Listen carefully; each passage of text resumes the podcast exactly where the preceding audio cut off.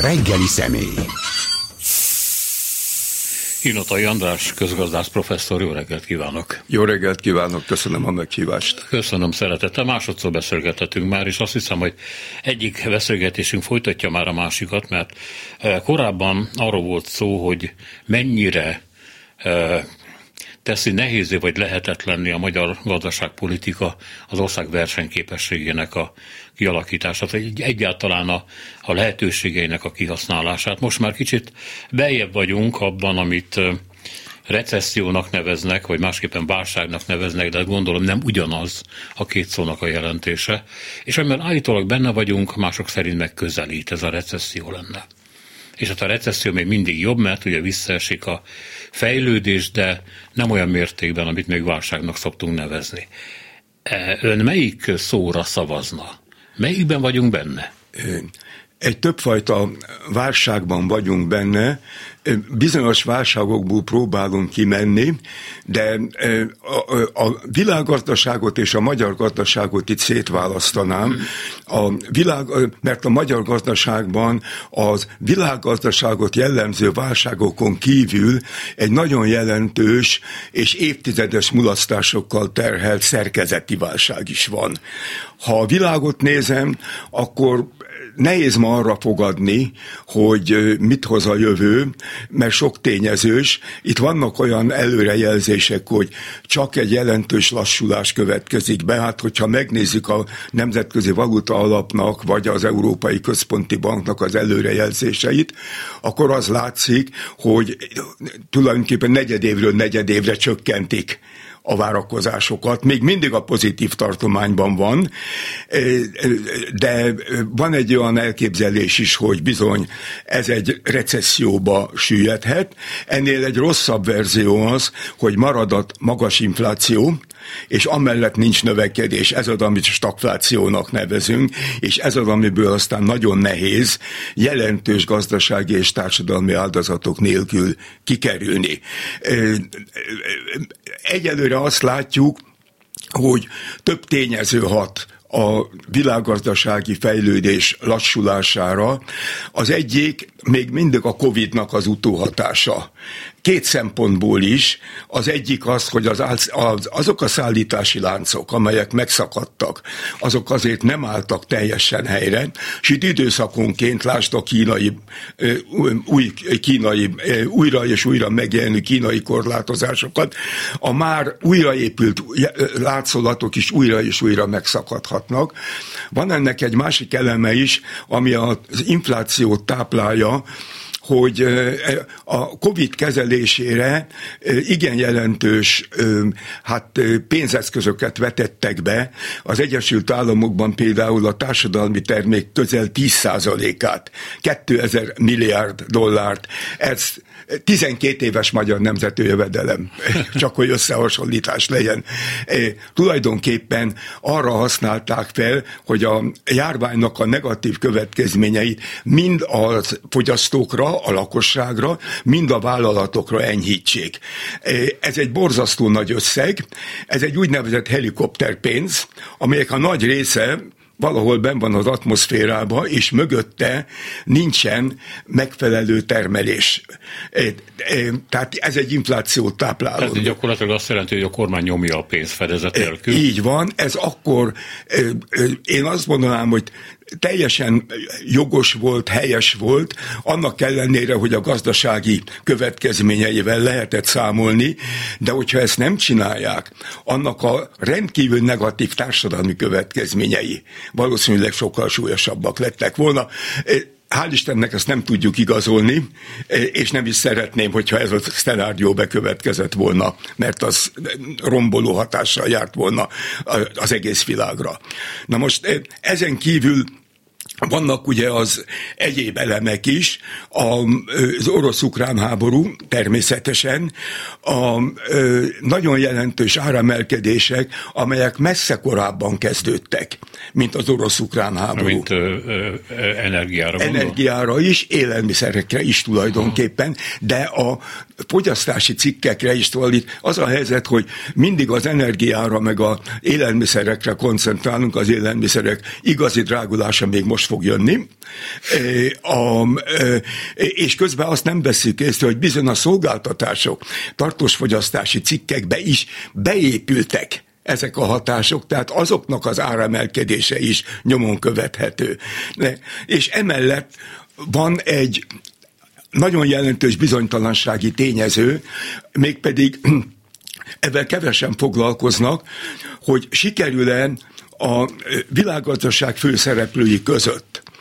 Most félretéve a biztonságpolitikai és politikai különbségeket, kialakítani egy olyan gazdasági együttműködést, ami megbízható kereteket teremt mindenki számára egy következő 8-10 éves időszakra, és ebbe beletartozik nem utolsó sorban a nemzetközi monetáris eh, rendszer, az a pénzpolitika, hát sem a dollár, sem a kínai yuan, sem az euró nem egymástól független. Hát ha valami, akkor a Covid járvány tette világossá, hogy mennyire összefügg minden mindennel, és hogy milyen globális hát hogy mondjam, e, együttműködés, összefonódottság jött létre, amit sokan tagadtak a globalizáció ellenfelei, csak amikor megjelent hogy mi az, hogy antiglobalizáció, és annak milyen gazdasági, társadalmi következményei vannak, amiket ma érzünk, akkor jönnek rá az emberek, hogy bizony itt egy globális rendszerben élünk, a globális csapdahelyzetekkel együtt. Csak egy linket tenni ez a dologhoz. A második világháború után éppen azért hoztak létre egy olyan nemzetközi rendszert a Világbank, meg a, a az IMF-et, a Monetary Fundot, hogy segítsen az országoknak kikeveredni válságokból, amik rendszerint háborúval végződnének, és végződtek is Igen. korábban. Ennek a hatását viszont nem látjuk. Tehát a háborúk elkerülésének a hatását nem látjuk talán azért, mert túl nagy játékosok vannak a porondon, Kína, az Egyesült Államok, Oroszország, és ezekkel szemben ez a pénzügyi rendszer tehetetlen. De tehetetlen a kisebb játékosokkal szemben is, mert ugye ott van például Sri Lanka, egy pici sziget, Igen. óriási problémával, gyakorlatilag totális csődben. Az IMF megpróbál valamit csinálni, de hát ez évtizedekkel még fölépül ott valami. Szóval ez a rendszer, a második világháború után kiépült rendszer mennyire segít most, vagy mennyire nem? Hát ez a rendszer többször került már megreformálásra. Ugye a Bretton woods rendszert aztán 60-as évek végén feladták, tehát a dollárnak az aranyhoz kötése megszűnt. Ebből egy nagyobb lehetőséget teremtettek arra, hogy aranyfedezet nélkül is lehessen papírpénzt vagy pénzt nyomtatni. Hozzá kell tennem, hogy egy nagyon lényeges elem volt és pozitív elem, amikor 2000 egyben létrejött az euróvezet, és tulajdonképpen bevezették az eurót. Aztán utána ezt természetesen meg kellett reformálni, amikor a nemzetközi pénzügyi válság után, hát ugye ismertek a görög, olasz és egyéb problémák, és akkor az Európai Központi Bank egy további jelentős hát, kompetencia erősödést tapasztalhatott. Most megint napirenden van az Európai Központi Bank szerepének az erősítése, nem csak a jelenlegi válság kapcsán, hanem az eurozóna jövőbeli stabilitását illetően is. Tehát vannak pozitív fejlemények is. Egy dolog az, ahol nagyon jelentős az elmaradás. A második világháború után az akkori, követ, akkori követelménynek megfelelően jött létre a nemzetközi hát az a nemzetközi intézményrendszer, amelyik a békét, a stabilitást, a biztonságot volt hivatott a világ minden részén biztosítani. Azok a problémák, amelyek akkor előtérben álltak, és amelyekre ez az intézményrendszer kiépült a biztonsági tanácstól kezdve a különböző regionális szervezetekig, az nem tudja átfogni azokat az új problémákat, amelyek a legutóbbi időszakban jelentkeztek, és felgyorsulva hat fejtik ki hatásukat. Gondolok itt például a környezetvédelemre, amit csak világszinten lehet kezelni. Nyilvánvalóan további erősítésre szorul a nemzetközi pénzügyi rendszer, de itt van például a egyre feszítőbb, nemzetközileg feszítőbb migrációs politika, tehát az ENSZ-nek, ha közös a felelőssége az emberiségnek, a saját jövőnket illetően, akkor ezekre a kérdésekre a megfelelő, hatékony, jövőorientált, a jelenlegi problémákat kezelni tudó és jövőorientált intézményrendszert kellene kiépíteni. Na ez még erőteljesen előttünk áll.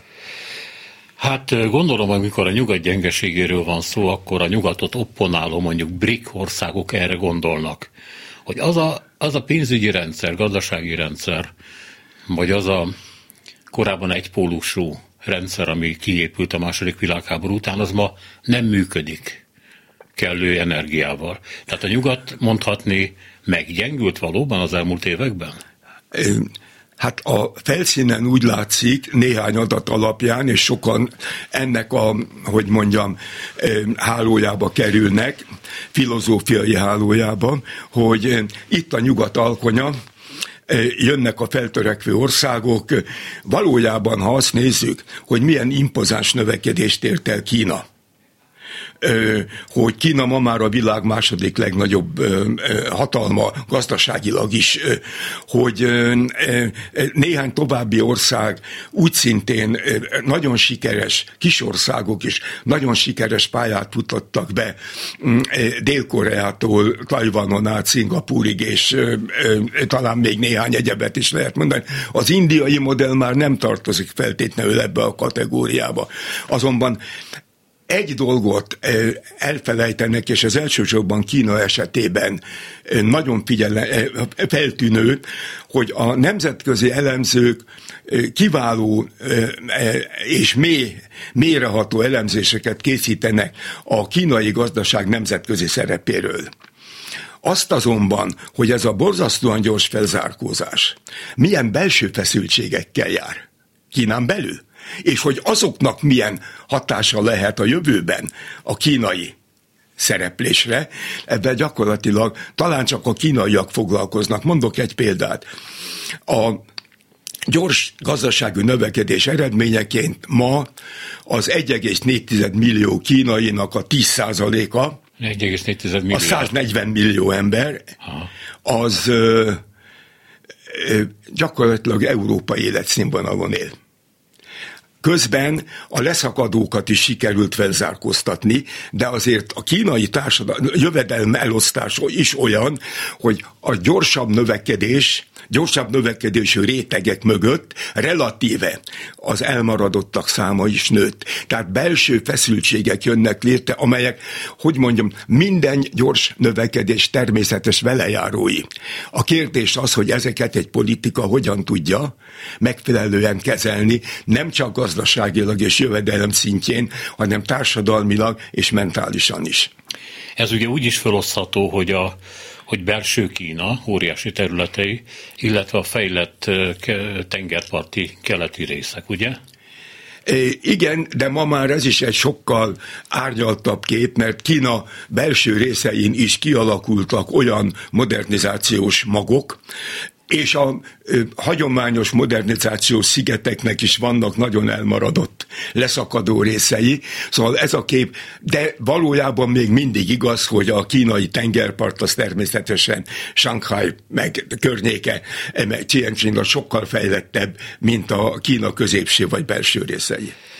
A belső gazdasági feszültségeket illetően, amiről így olvasni lehet, ez a ingatlan buborék, ami hát egy óriási óri, óriási kínai céget tesz tönkre ebben a pillanatban. A állam valamennyire még lélegeztetőgépen tartja, de van egy belső robbanás, mert emberek milliói fizettek be különféle lakásokra, úgyhogy nem kapták meg ezeket a lakásokat. Ugye a finanszírozás náluk úgy megy, hogy az ember befizeti a pénzt, abból a pénzből az illető cég fölépíti a lakásokat, adózik, odaadja a lakást, elteszi a maradék pénzt, és jó napot kívánok, csak hát túl vállalták magukat, és hát nem tudják visszaadni a pénzeket.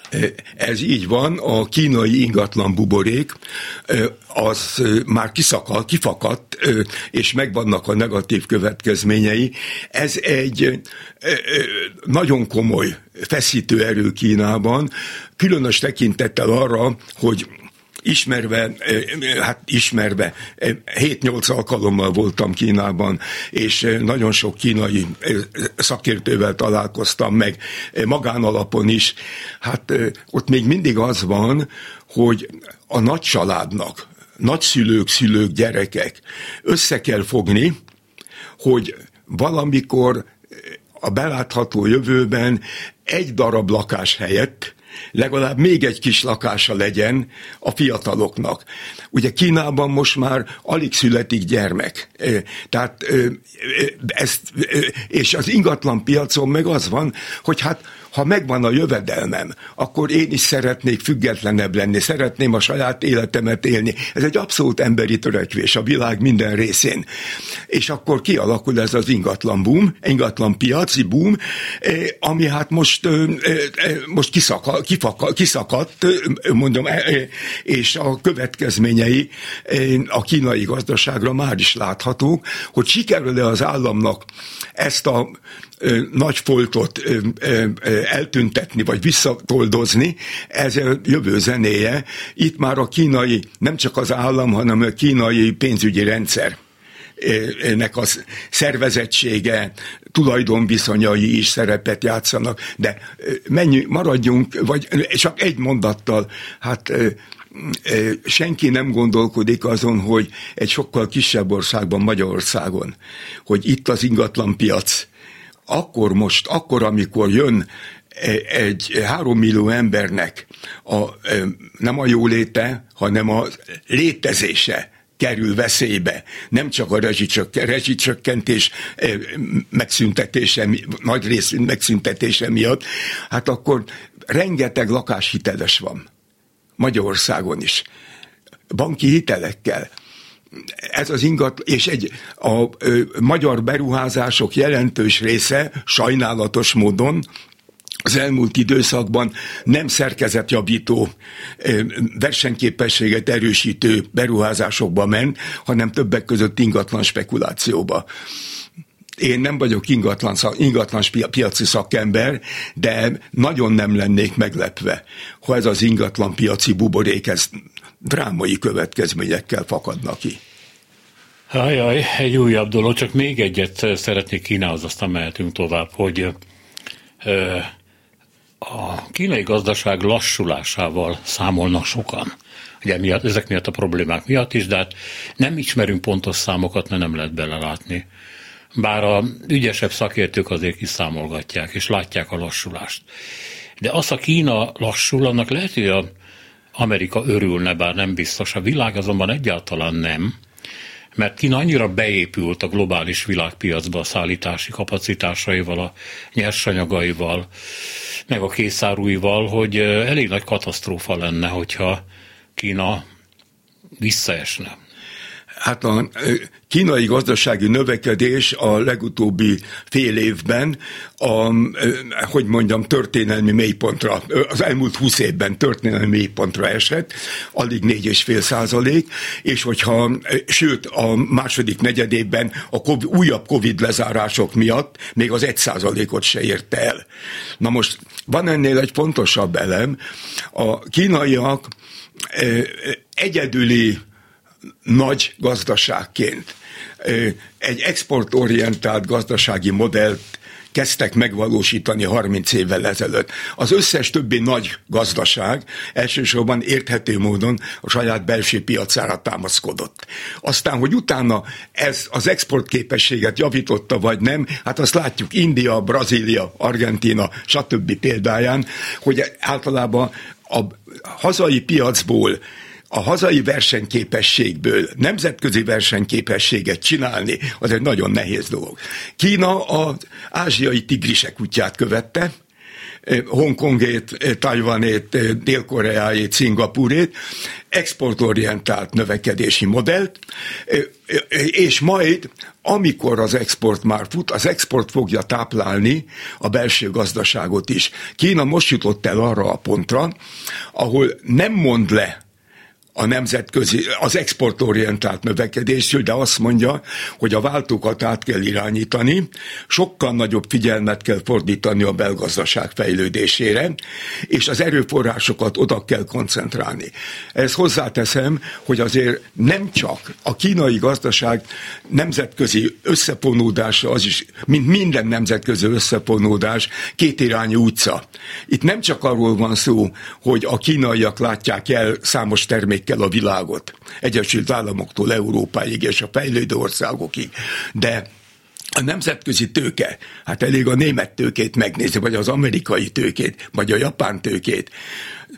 Horribile dictu, a tajvani tőkét a kínai népköztársaságban, hát őnik egy nagyon komoly szerepük van a kínai gazdaság fejlődésében. Tehát itt olyan összefonódások vannak, eh, ahol beszélhetünk arról, hogy aszimetria van, hogy sokkal erősebb a kínai exportorientáció, mint a Kínában termelő európai, amerikai vállalatok, de a kettő együtt létezik.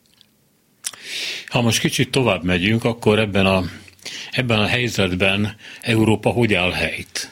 Eh, hogy áll helyt, mint egységes belső piac, és hogy áll helyt, mint egy kényszerűen egységesülő, hát hogy mondjam, ország konglomerátum, amelyik a legutóbbi időben két közös dologra biztos, hogy rákényszerült, vagy mondjuk háromra, hogyha a korrupció ellenes ügyészséget mondjuk. A másik a közös föllépés, szervezés, beszerzés a Covid idején, ami eh, azért hát kisebb-nagyobb zökkenőkkel de sikerült. A harmadik pedig a energiapolitika. Hát ebben, hogy olyan nagy sikereket még nem árult el, de látszik, hogy itt is egy ilyen eh, központi akaratra és működésre van szükség, különben a Európai Unió eh, szétszakadozik, mert nagyon, nagyon sokan veszíthetnek ezen, ha nem, nem mutat Brüsszel vagy a nagyobb államok kellő lojalitást irántuk. Igen.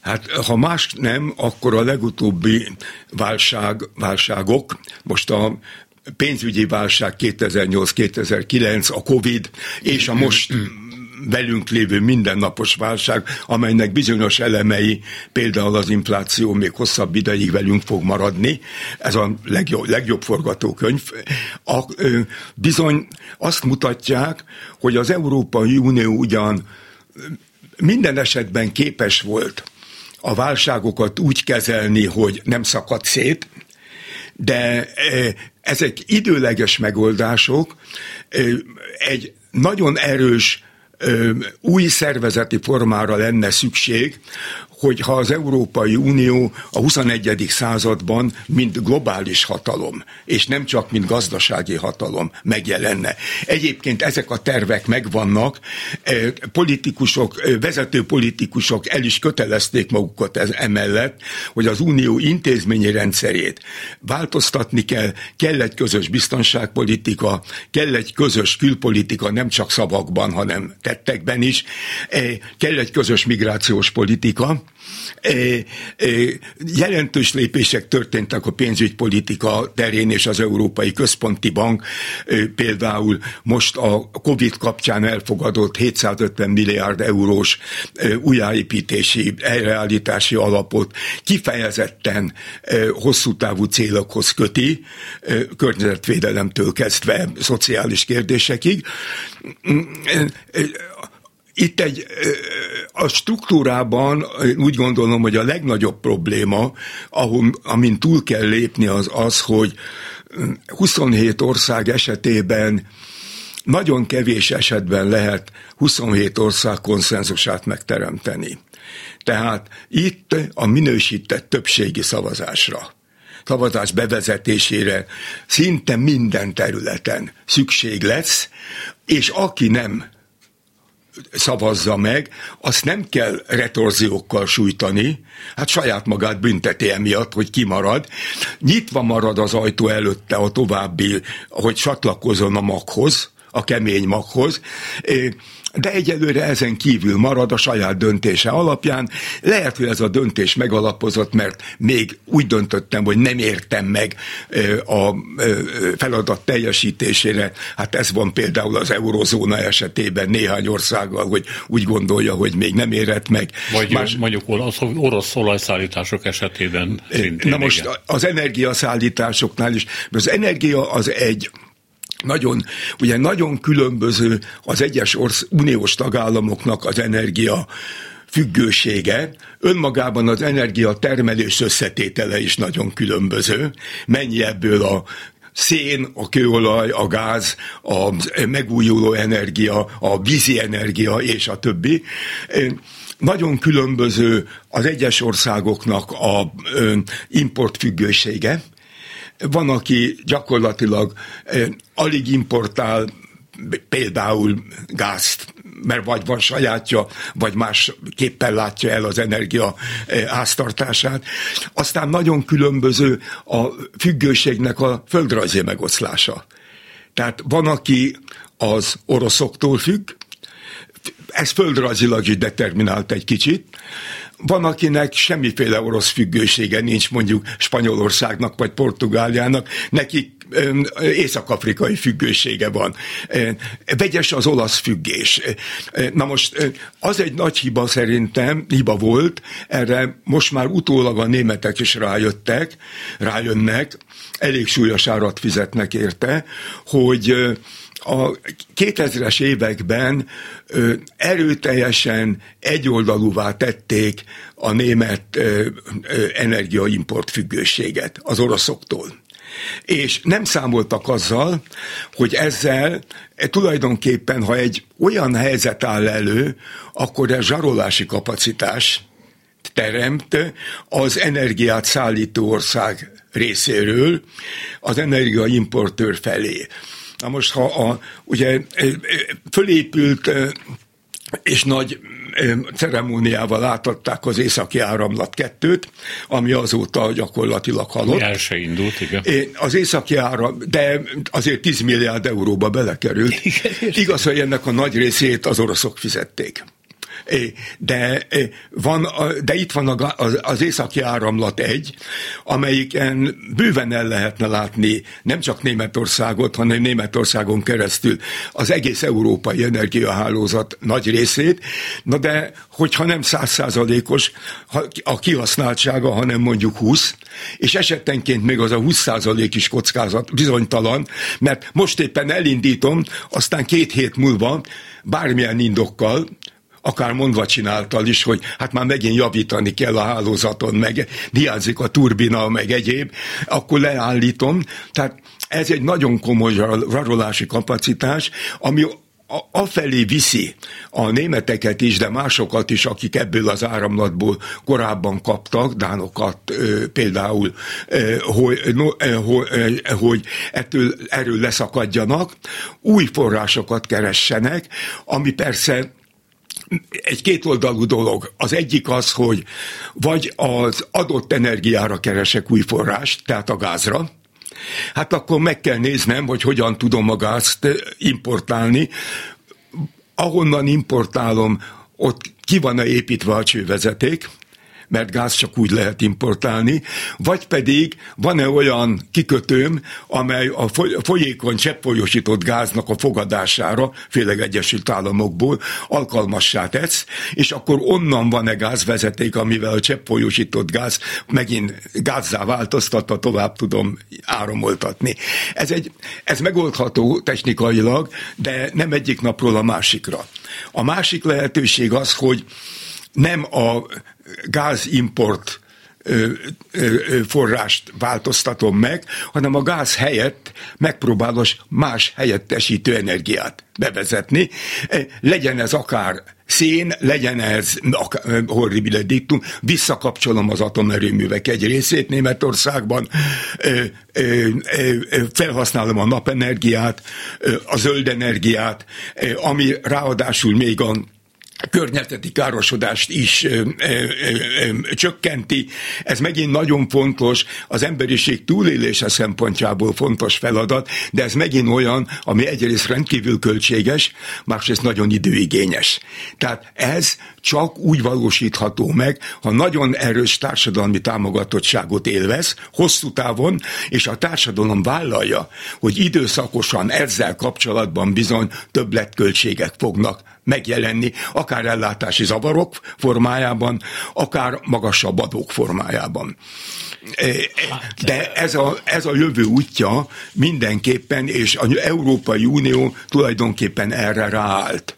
És én úgy gondolom, hogy az a válság, ami most van, és ami lehet, hogy ezen a télen de talán fűtési problémákat nem annyira, de e, e, e, ipari tehát termelési problémákat okozhat, mert egy adott ponton, ha választani kell, akkor nem a lakosságot fagyasztom meg, hanem az ipari termelést fagyasztom be. Ha, Tulajdonképpen lehet mondani kicsit ilyen nagyon patetikusan persze, hogy, hogy ez az egész a háború, meg már a korábban elindult energiár növekedések, a válság miatt az Európai Unió gyakorlatilag, hát hogy mondjam csak, egy olyan tétet állított föl, amiben bele is bukhat. De amiről úgy gondolja, itt most természetesen a magországokról van elsősorban szó, hogy a, a túlélés záloga, csak ennek nagyon nagy ára van. De nem tudja és nem tudhatja sem a brüsszelita elit, sem pedig az egyes ország politikai elitje, hogy ezt túlélik-e. Hát ugye, és, és egyikünk sem proféta, és a világgazdasági, világpolitikai, biztonságpolitikai előrejelzések rendkívül bizonytalan talajon állnak ma egy vagy ki, egy, akár egy hibás döntés olyan láncreakciót indíthat el, aminek a következményei beláthatatlanok.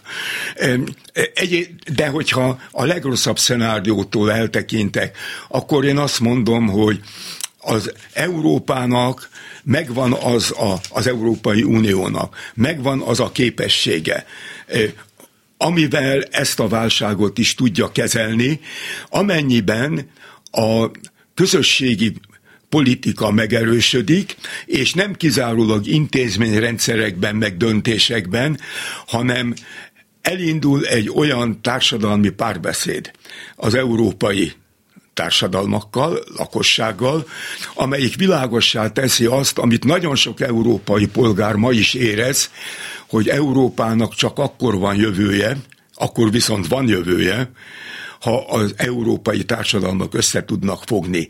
Tehát ahol nem a szétzilálódás, a szétfejlődés, az észak-dél, a kelet-nyugat eh, határozza meg a jövőt, hanem az, hogy ránézünk a térképre, és azt mondjuk, hogy a, ez 450 millió ember, amelyik a világ lakosságának 7 százaléka amelyik azonban a világ társadalmi termékének a körülbelül 15%-át állítja elő.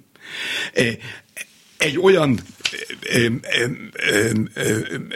földrajzi területen, amelyik egyharmada, egy, egyharmada az egykori Szovjetunió területének. Tehát, és akkor azt mondja, hogy innen menekül út, menekülési útvonal nincsen. Itt magunknak építjük Európa jövőjét. Hogy ezt hogyan lehet a társadalmakkal tudatosítani, ez egy nagyon komoly politikai feladat, és sajnos ezzel egyelőre elég keveset foglalkoztak.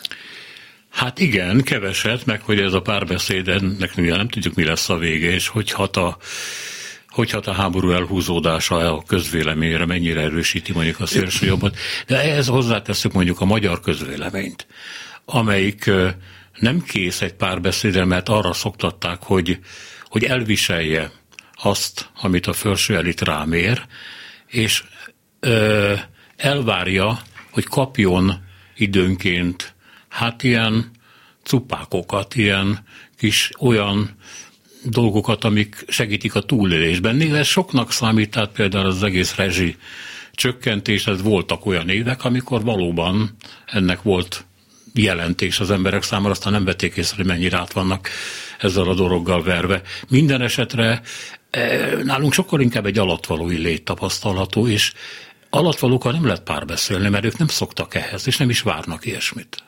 Ö, ö, minden felmérés azt mutatja, hogy a magyar társadalom, a magyar állampolgárok 80%-a, ami messze Európai Uniós átlag feletti, a jövőjét az Európai Unióban képzeli el. Tehát ez egy óriási ellentmondás, hogy az egyik oldalon megy hivatalos kormányzati kommunikáció szintjén a brüsszelezés, meg hogy mindennél Brüsszel a felelős, a másik oldalon pedig a magyar társadalom továbbra is Európa párti. De európai pénzpárti, vagy európai értékpárti? Én úgy gondolom, hogy egyre inkább Euró nem csak pénzpárti, hanem részben Európai Unióban dolgozik, esetenként külföldön, esetenként a külföldön szerzett pénzt utalja haza a családjának, esetenként itthon dolgozik európai vállalatoknál, vagy európai piacra termelő vállalatoknál, és van egy európai, van egy európai identitása, van egy nyugaton képzeli el a jövőjét, és nem keleten. Na most ebbe természetesen a hivatalos kommunikáció és a hogy mondjam, a e, e, e, csúnya szót használok, a népbutító kommunikáció, az beleszólhat, és bele is szólt. Érdekes az, hogy bármennyire is megy az Európa Unió ellenesség hivatalosan, ez különösebben nem változtatta meg a magyar társadalom Európa képét és európai elkötelezettségét.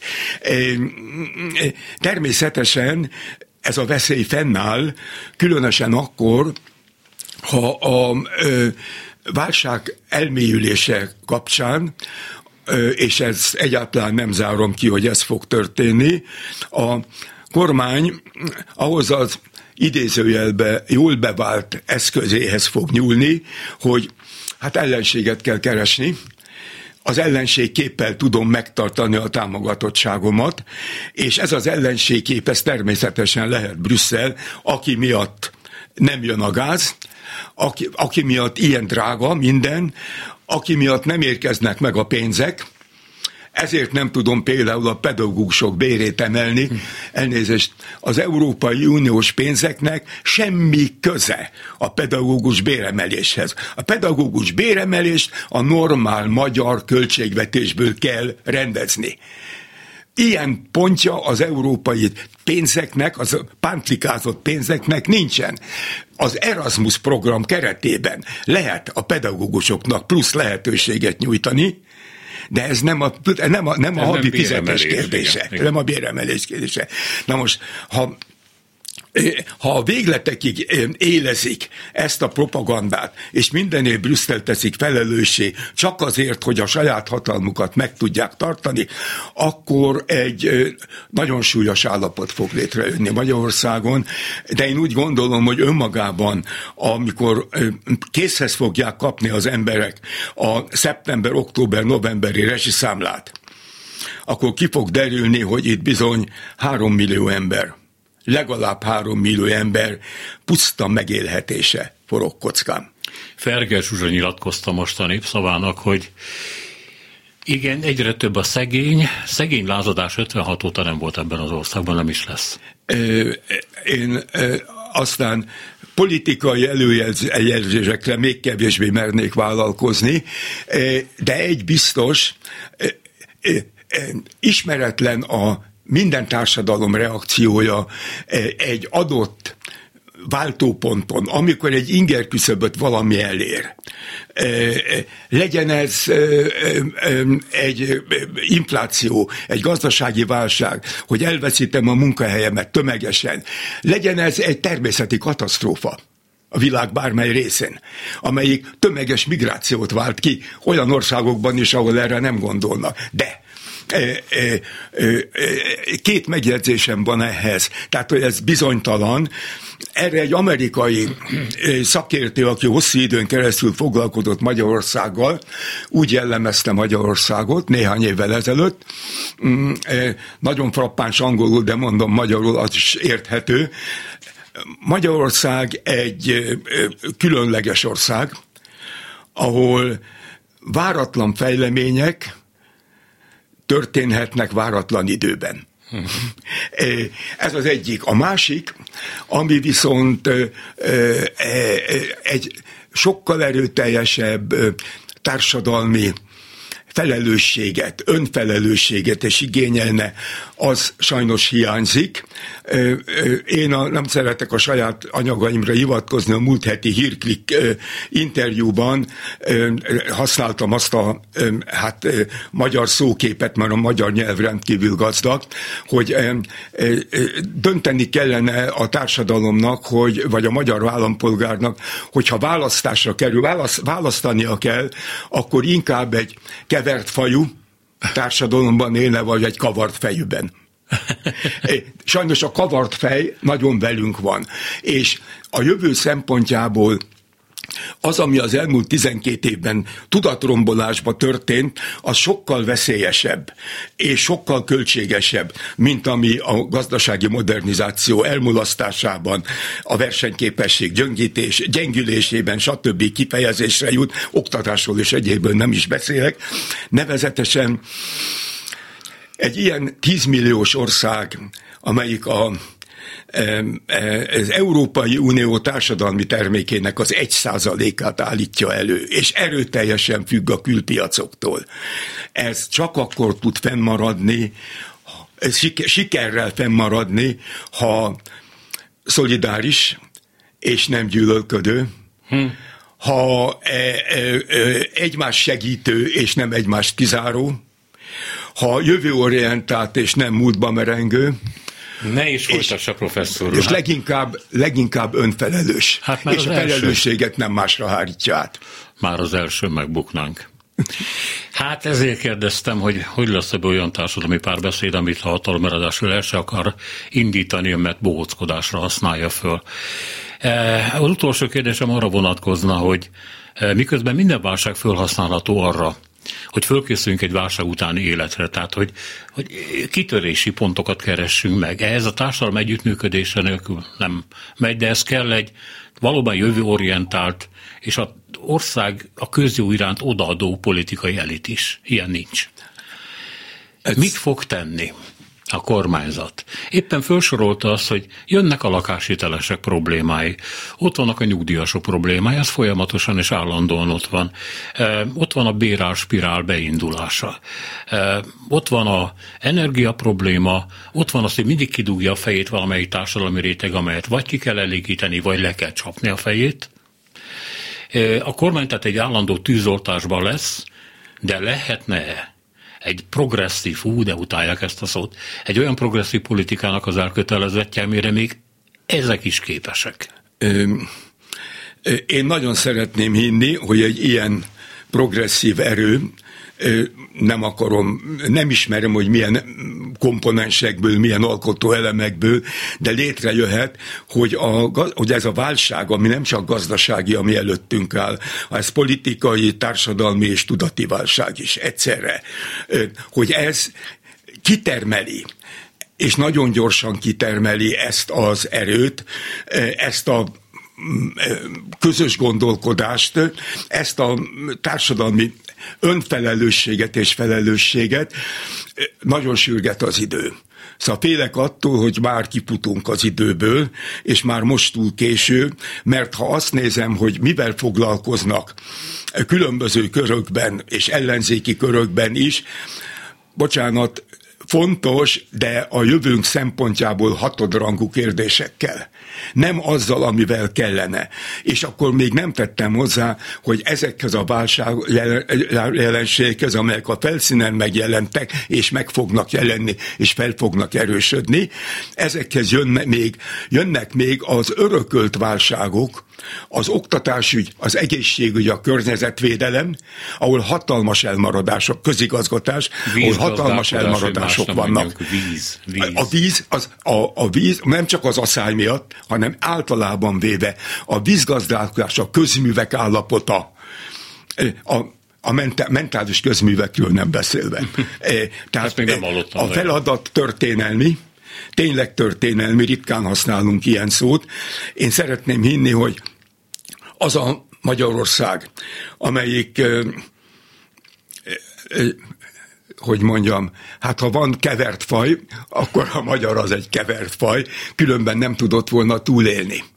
12 évszázadon keresztül, rengeteg válságon át, esetenként a, majdnem a megsemmisülés határáig jutva, is újra tudott építkezni. Ez, a, ez az ösztön, ez az erő, ez a 21. században is feltámasztható, abban az esetben, ha felismerjük azt, hogy miről van szó, hogy a saját jövőnkről van szó, és ezt csak Európában lehet elképzelni, egy fejlett, együttműködő Európában, amelyet nem szétverünk, hanem amelyet erősítünk, és egy önfelelős társadalomban. Mm, ennek van áldozata, nem is kevés, de a másik a forgatókönyv az az, a másik forgatókönyv az nagyon negatív, úgyhogy arról inkább nem beszélnék. Hát professzor, ahhoz, amit itt fölvázolt, ahhoz a 840-es évek reformgenerációja kéne, ami egészen csodálatra méltó pályát futott be, mert ugye megszervezte magát, kiváló embereket teremtett, aztán 48-49-ben vereséget szenvedett, aztán túlélte Hajnaut, meg a Bach korszakot, és amikor eljött a kiegyezés, akkor bele tudott ülni a miniszteri székekbe. És megcsinálta azt, amit még korábban, mondjuk 30 évvel korábban elképzelt. És az egy működő európai modell volt. Egy ilyen generációnak látja nyomát? Ö, nem foglalkoztam ezzel a kérdéssel. Ö, szeretném hinni, hogy ha nincs is meg az idő, a, a, a, a válság, a követelmények létre tudják hozni. Vannak ilyen sejtek, de ezek egyelőre nem csak e, külön-külön működnek, több-kevesebb sikerrel, de egyelőre úgy érzem, hogy nem vették észre, hogy itt egy történelmi forduló, ismételten történelmi fordulópont előtt áll Magyarország, és egy csak együttműködve lehet a siker reményében tovább lépni. Én ebből a szempontból, én rám azt szokták mondani, hogy én, neki, én pessimista vagyok, sajnos a jóslataim nagy része bejött, bár ne jött volna be, de én erre mindig azt mondom, hogy én nem vagyok pessimist, én csak egy magamat, egy, úgy gondolom, egy jól informált optimistának tartom. Ehhez kellene egy olyan középréteg, amelyik nem arra gondol, hogy most a Fidesz uralom alatt tulajdonképpen mennyire jól megvan, vagy meg volt eddig hanem végre gondol az országra is, is, magára is, persze az országra is. Kell egy olyan szellemi elit, aminek nyomát nem lehet látni. Ha csak 30 évvel ezelőttre gondolunk, amikor a rendszerváltás megtörtént, micsoda emberek voltak itt? Hányan?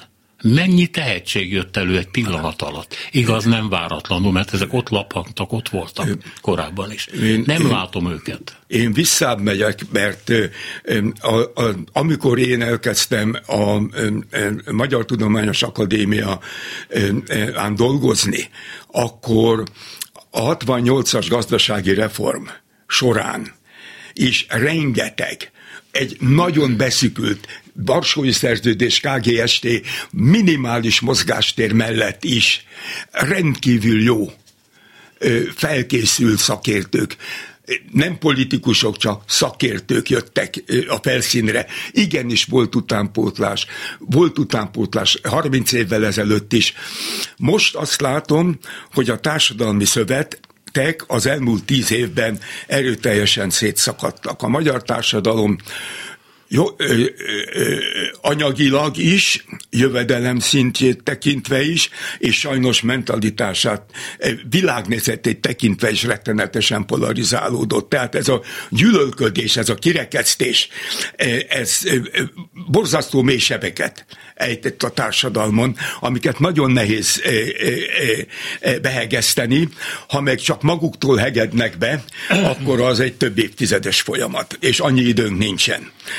Na most én úgy gondolom, hogy mindennek ellenére meg kell próbálni a lehet a lehetőségekhez képest a legjobbat kihozni, és ezt azonnal el kell kezdeni. Ez ott kezdődik, hogy a jövedelmi különbségeket, amelyek például drámai módon erősödtek az elmúlt tíz évben, az egykulcsos jövet, személyi jövedelemadó, a 27%-os áfa, ami döntően a szegényeket és azokat terheli, akik a teljes jövedelmüket fogyasztásra költik. A, a rezsicsökkentésnek a formája, hogy tulajdonképpen bárki bármennyit fogyaszthatott, arra is kapta. E, e, miközben e, és ezáltal az állam egy tömegnyi pénztől esett el, miközben senkit nem erős, senkiben nem erősítette a takarékosság iránti igényt. Hát Magyarországon 30%-kal nőtt az benzinfogyasztás. Szlovákiában bevezették az egységes világpiaci benzinárat, 30%-kal csökkent az, autók, az autók benzinfogyasztása, és átálltak másra. Tehát ez a racionális alternatíva keresés ez teljes egészében hiányzott, ezt ezzel felszabadították a magyar társadalmat, majd mi fönt megmondjuk, és az neked jó lesz. És ettől ebben elvették az önfelelősségét is, és ezt visszaépíteni. Ez egy nagyon nehéz dolog. Lehet, hogy egy hatalmas válság amelynek a kimenetele nagyon bizonytalan, de a pozitív kimenetele az lehet, hogy ezt létrehozza. Meglátjuk. Köszönöm szépen, professzor, hogy itt volt nálunk. Inatai András közgazdász volt a vendégünk 9 és 10 óra között. Selmeci János, Balogh Kármen, Csorba László, Zsidei Péter, Eskovics Eszter és Szénási Sándor köszöni a figyelmüket. Minden jót!